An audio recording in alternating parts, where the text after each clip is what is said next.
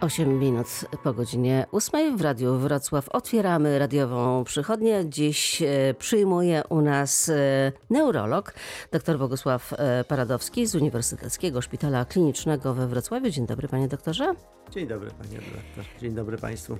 Proszę państwa, proszę się przygotować, teraz wziąć telefony do ręki i wykorzystać tę okazję, że doktor jest u nas w studiu, dlatego że do um, neurologa dostać się niełatwo, a dzisiaj można, wystarczy do nas zatelefonować i może możemy coś pomóc. Możemy jak możemy. Może pan profesor. 339 90 60. Panie profesorze, trzy tematy na dzisiaj. Udary, Alzheimer i migrena. Zacznijmy od udarów. Wydaje się, że kampanie społeczne, że już naprawdę dużo wiemy, ale powtórzmy, te pięć, pięć, tak, takich e, najbardziej typowych objawów, że to jest udar. Tak, ja mam, odnoszę wrażenie, że w tej kampanii jednak takiej społecznej jest za mało ciągle, dlatego że my widzimy, w jakim stanie przyjeżdżają pacjenci do, do szpitala i jak późno przyjeżdżają do szpitala. Powinni trafić najpóźniej do 6 godzin. Im wcześniej trafiają, tym lepsze są efekty terapii.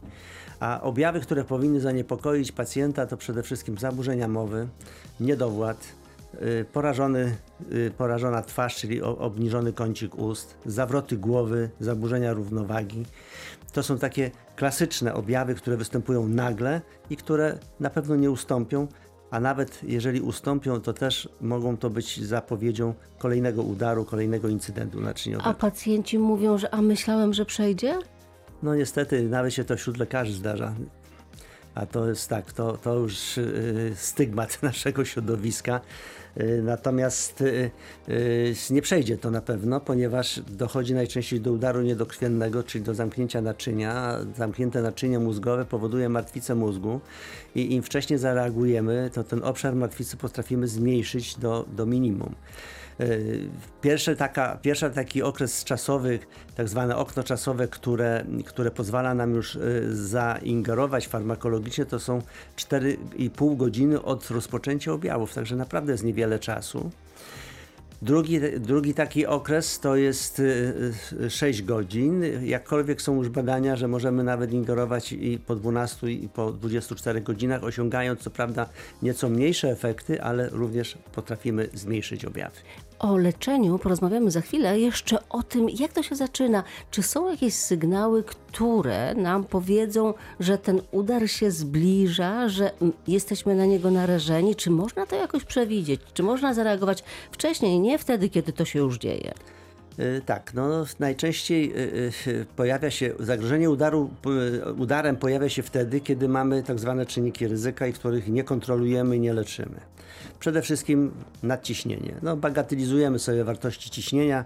Dzisiaj według WHO to ciśnienie jest normą ciśnienia już jest 135 na 85, a nie tak jak do niedawna uważano 140 na 90, więc obniżono granicę. To ja powtórzę to tylko, bo teraz Państwo w przerwie wezmą sobie ciśnienie zmiomierz, jeśli oczywiście mają Państwo e, w domu i zmierzą 135 na, na 85. Tak. 135 na 85. Sprawdzamy ciśnienie.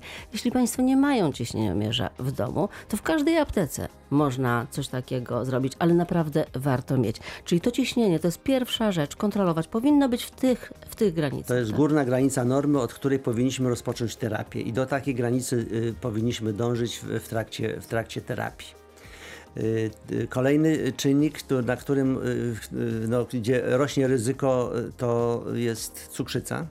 Cukrzyca, którą no, też pacjenci bardzo sobie bagatelizują, bo to nie boli, powoduje straty niewyobrażalne we wszystkich naczyniach, w nerwach obwodowych, w naczyniach, naczyniach siatkówki, niszczy narządy miąższowe. Pacjenci nie przestrzegają diety, uważają, że oni wiedzą lepiej, prawda? A skutki są, skutki są opłakane. Często tej, cukrzy, o tej cukrzycy w ogóle nie wiedzą nawet, że mają. No często nie wiedzą, często jest, są przypadkowe takie właśnie odkrycia. Jak pacjent trafia do szpitala, są e, e, właśnie rozpoznawane przypadki nowe cukrzycy, a jest to e, choroba do XXI wieku. Otyłość. No, jestem zbulwersowany patrząc, chodząc po ulicach, jak wyglądają Polacy. Wielkie brzuchy, to jest szczególne właśnie narażenie takiego pacjenta na właśnie wystąpienie udaru, ta otyłość brzuszna. Y, y, jedzą właściwie wszystko, nie przestrzegają diety, piją alkohol, palą papierosy. To są wszystko czynniki, które sprzyjają właśnie powstawaniu udaru, i, a przede wszystkim miażdżycy, bo, to, bo te czynniki powodują miażdżycę. Nie uprawiamy sportu, nie uprawiamy jakiejś rekreacji, y, po, po prostu prowadzimy bardzo nie, taki tryb życia niewłaściwy, który prowadzi w konsekwencji nie tylko do udaru, ale również do zawału serca, bo to są z, tego same, z tej samej grupy schorzenia, a schorzenia naczyniowe, mm, naczyniowo-sercowe no, są pierwszą przyczyną praktycznie rzecz biorąc zgonów w dalszym ciągu w Polsce. Nadciśnienie, cukrzyca, otyłość trzy grzechy główne. Warto o tym pomyśleć. W sobotni poranek do rozmowy wracamy za kilka minut. Sobotni poranek w Radiu Wrocław. Naszym gościem dziś jest profesor Bogusław Paradowski, neurolog. E, o udarze na początek e, rozmawiamy. Panie profesorze, to już wiemy, znamy te nasze grzechy główne. Zdarzył się udar i teraz jeszcze jedna rzecz, ta szybkość i ten czas właśnie zareagowania jest bardzo istotna.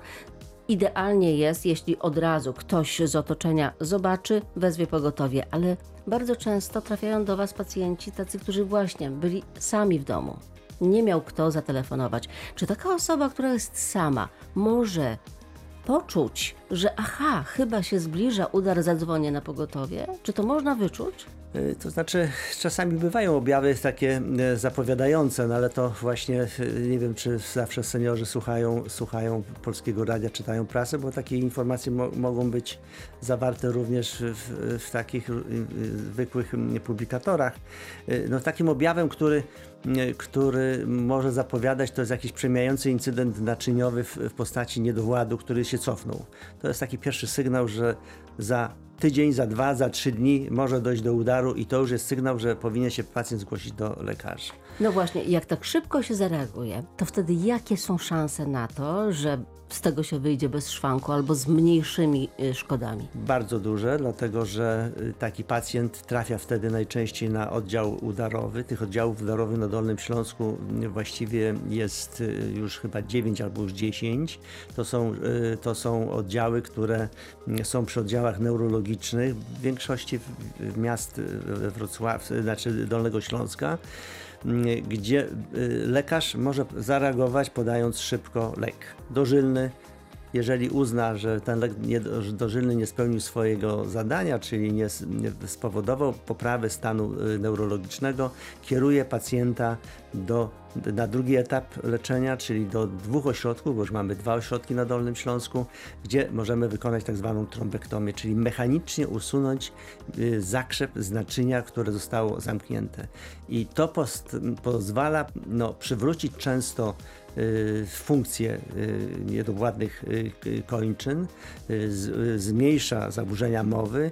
Czasami są tak spektakularne efekty takiego leczenia, że chory przychodzi z porażeniem, wychodzi o własnych nogach, na własnych nogach z, bez niedowładu ze szpitala. W lepszej sytuacji chyba są mieszkańcy Wrocławia, dlatego że we Wrocławiu są dwa takie ośrodki, bo wasz w klinice na Borowskiej i na Fieldorfa. Na Fieldorfa tak. Natomiast na Dolnym Śląsku no, nie ma, nie robi się trombektomii i ten pacjent powiedzmy ze Zgorzelca musi jechać, musi być wieziony do Wrocławia. Tak, panie redaktor, ale tak jest podzielony jest Dolny Śląsk właśnie na dwa takie obszary. Jeden obszar należy do szpitala na Borowskiej, drugi obszar należy do szpitala na ulicy Fieldorfa.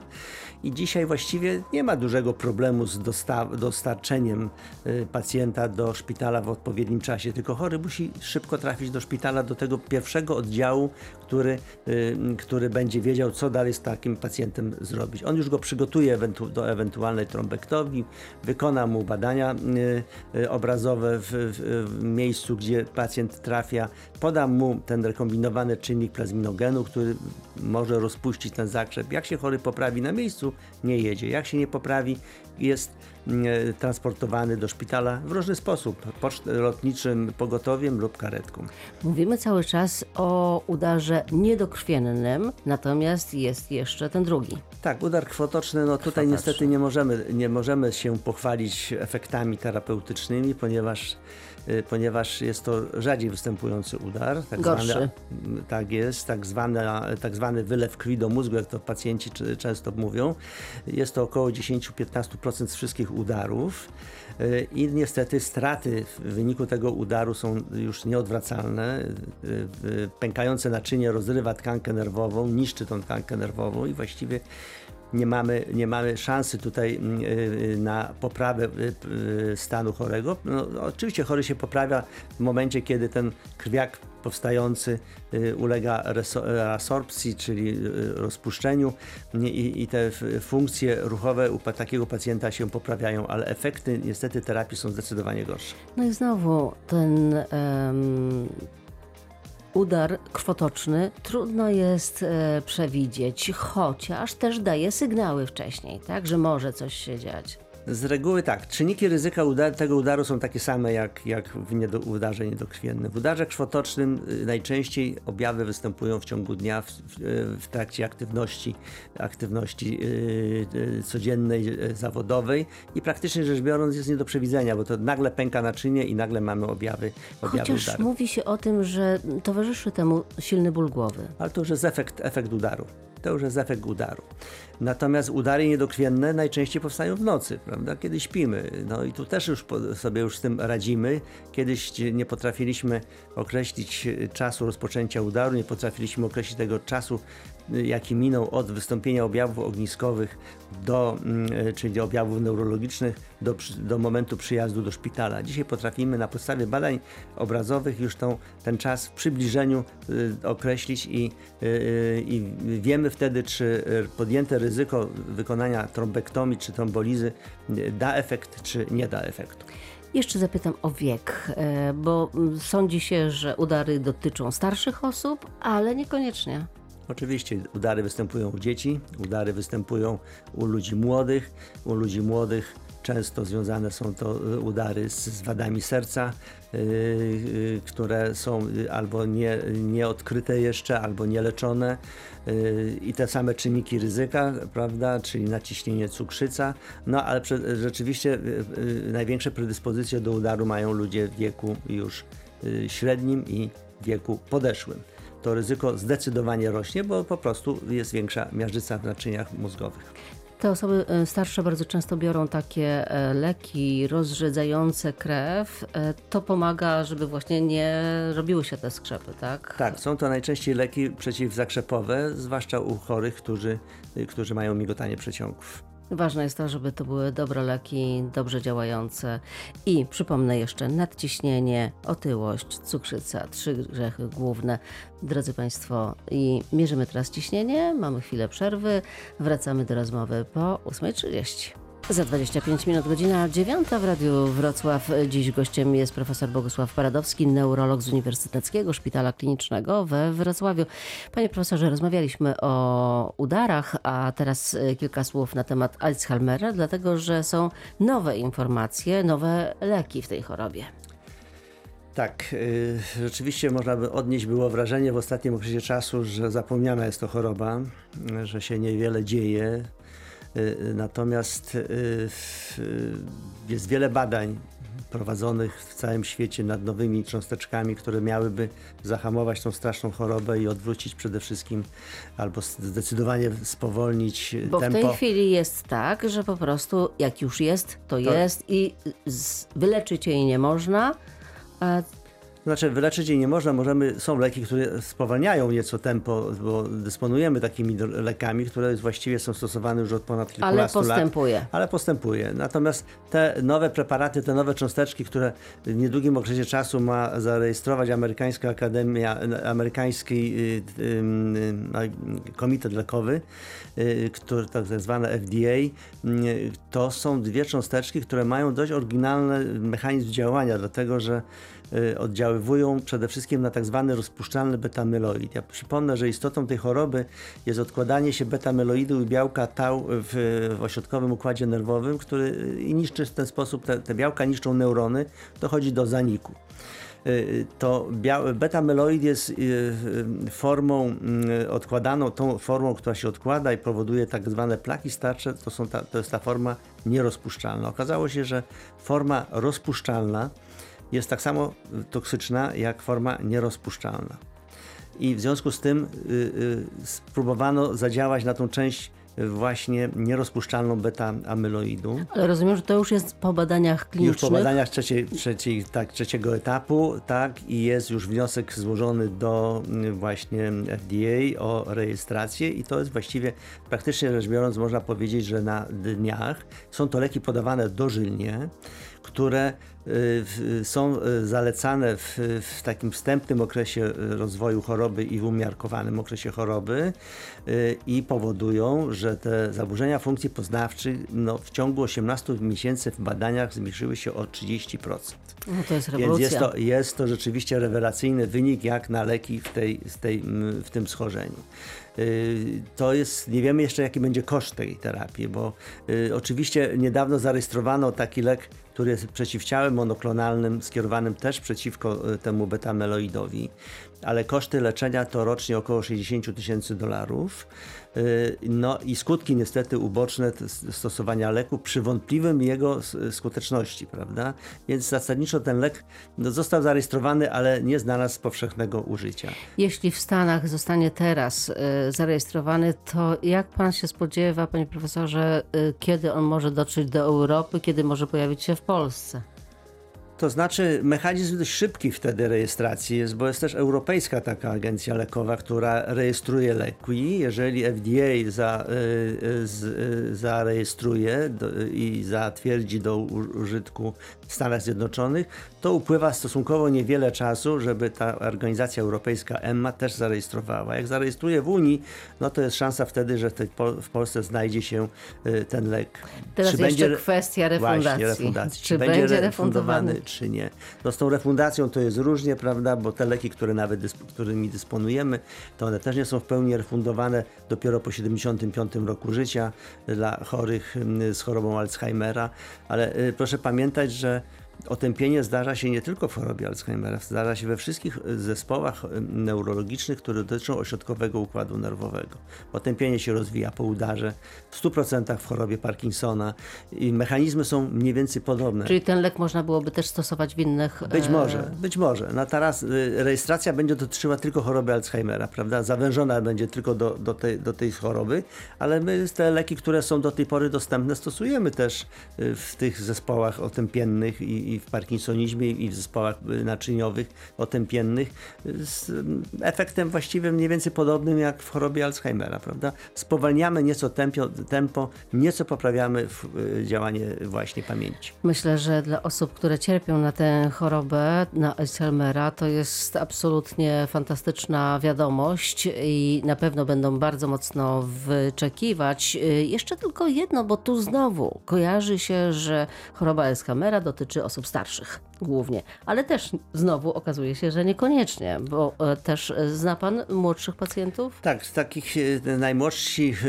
najmłodsi pacjenci to są też w wieku 30-40 lat, ale to są takie właśnie rodzinnie występujące postacie otępienia czyli choroby Alzheimera.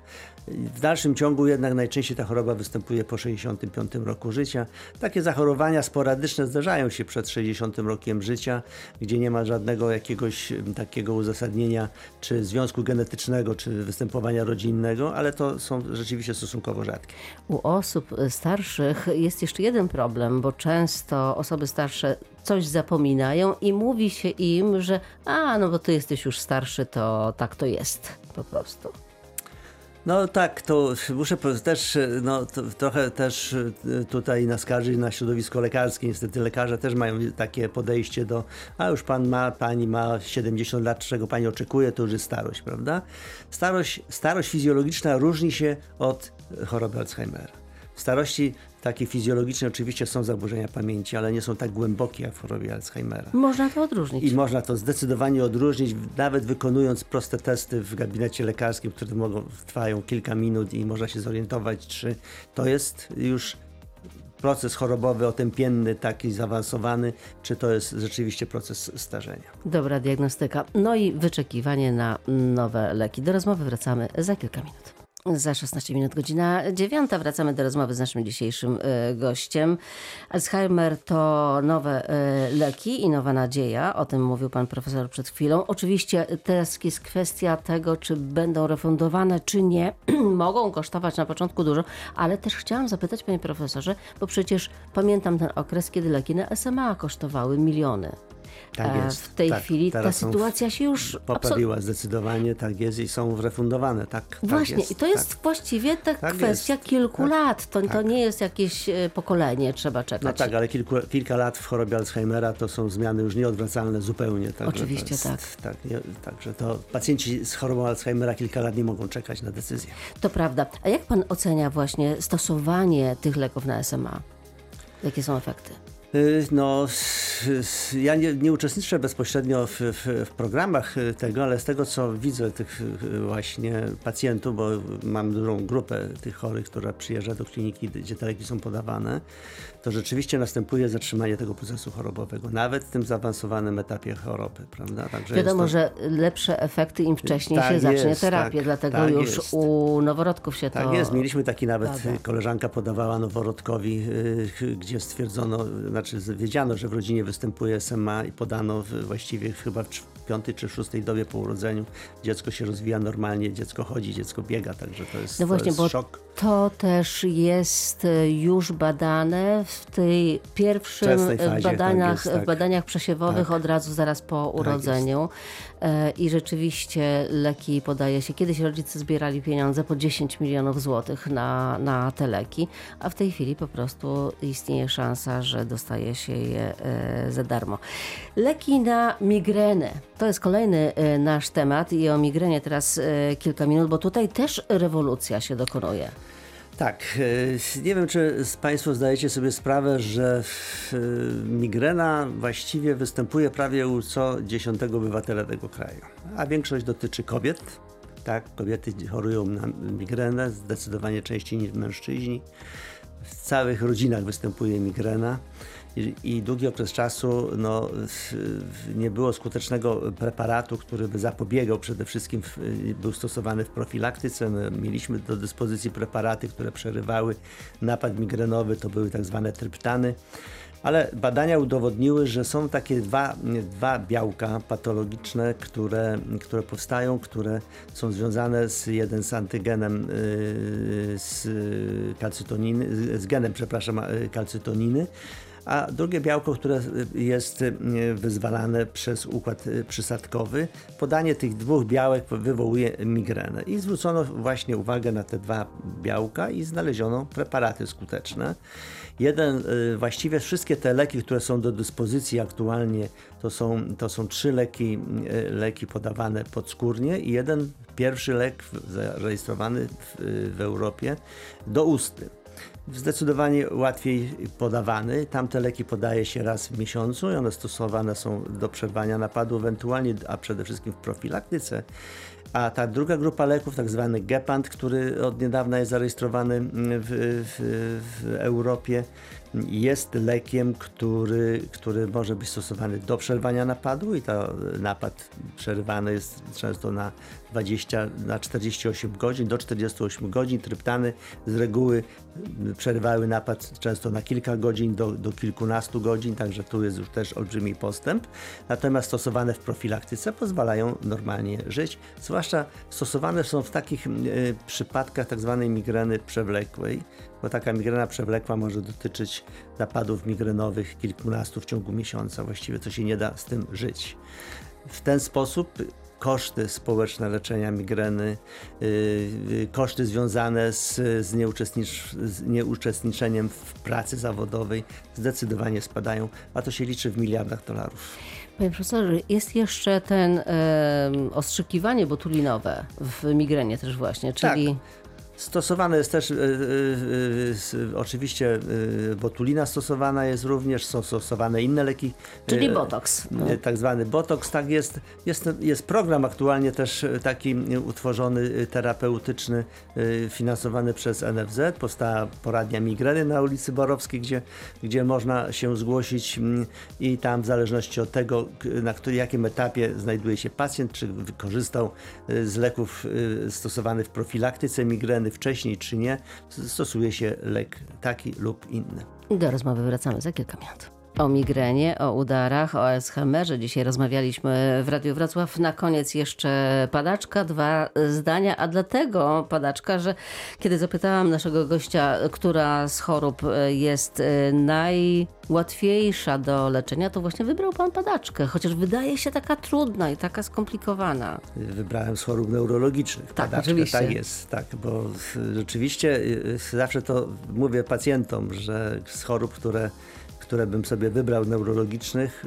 y, to właśnie wybrałbym padaczkę, bo oni są zrozpaczeni, że chorują na padaczkę, a dzisiaj dysponujemy dużym arsenałem leków nowoczesnych, gdzie te napady możemy kontrolować i, i chory może prowadzić normalny tryb życia z pewnymi oczywiście ograniczeniami, tam prawem jazdy, prawda, y, zabezpieczeniem w jakichś takich szczególnych sytuacjach, y, wykonywaniem określonych tylko zawodów, ale to, to nie, że tak powiem, pogarsza życia, jakości życia y, i ci pacjenci mogą normalnie mieć rodzinę, studiować, pracować i, i normalnie żyć. Chociaż e, zdarzają się padaczki lekooporne. Tak, tak. No oczywiście się I zdarzają, ale jest tak trudniejsza jest. To jest sytuacja. trudniejsze, ale też jest nowy lek, ostatnio też zarejestrowany na padaczkę lekooporną, który jest y, y, od niedawna na rynku.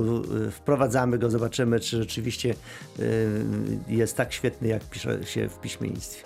Gdyby jeszcze do neurologa można się było łatwo dostać. E, Panie profesorze, ilu tych neurologów jest, ilu ich powinno być E, i dlaczego tak e, trudno jest się dostać do neurologa? Pacjenci, słuchacze nasi też często mówią o tym, że czekają w kolejkach miesiącami. Panie redaktor, na Dolnym Śląsku jest neurologów, specjalistów tyle, ile w całej Wielkiej Brytanii.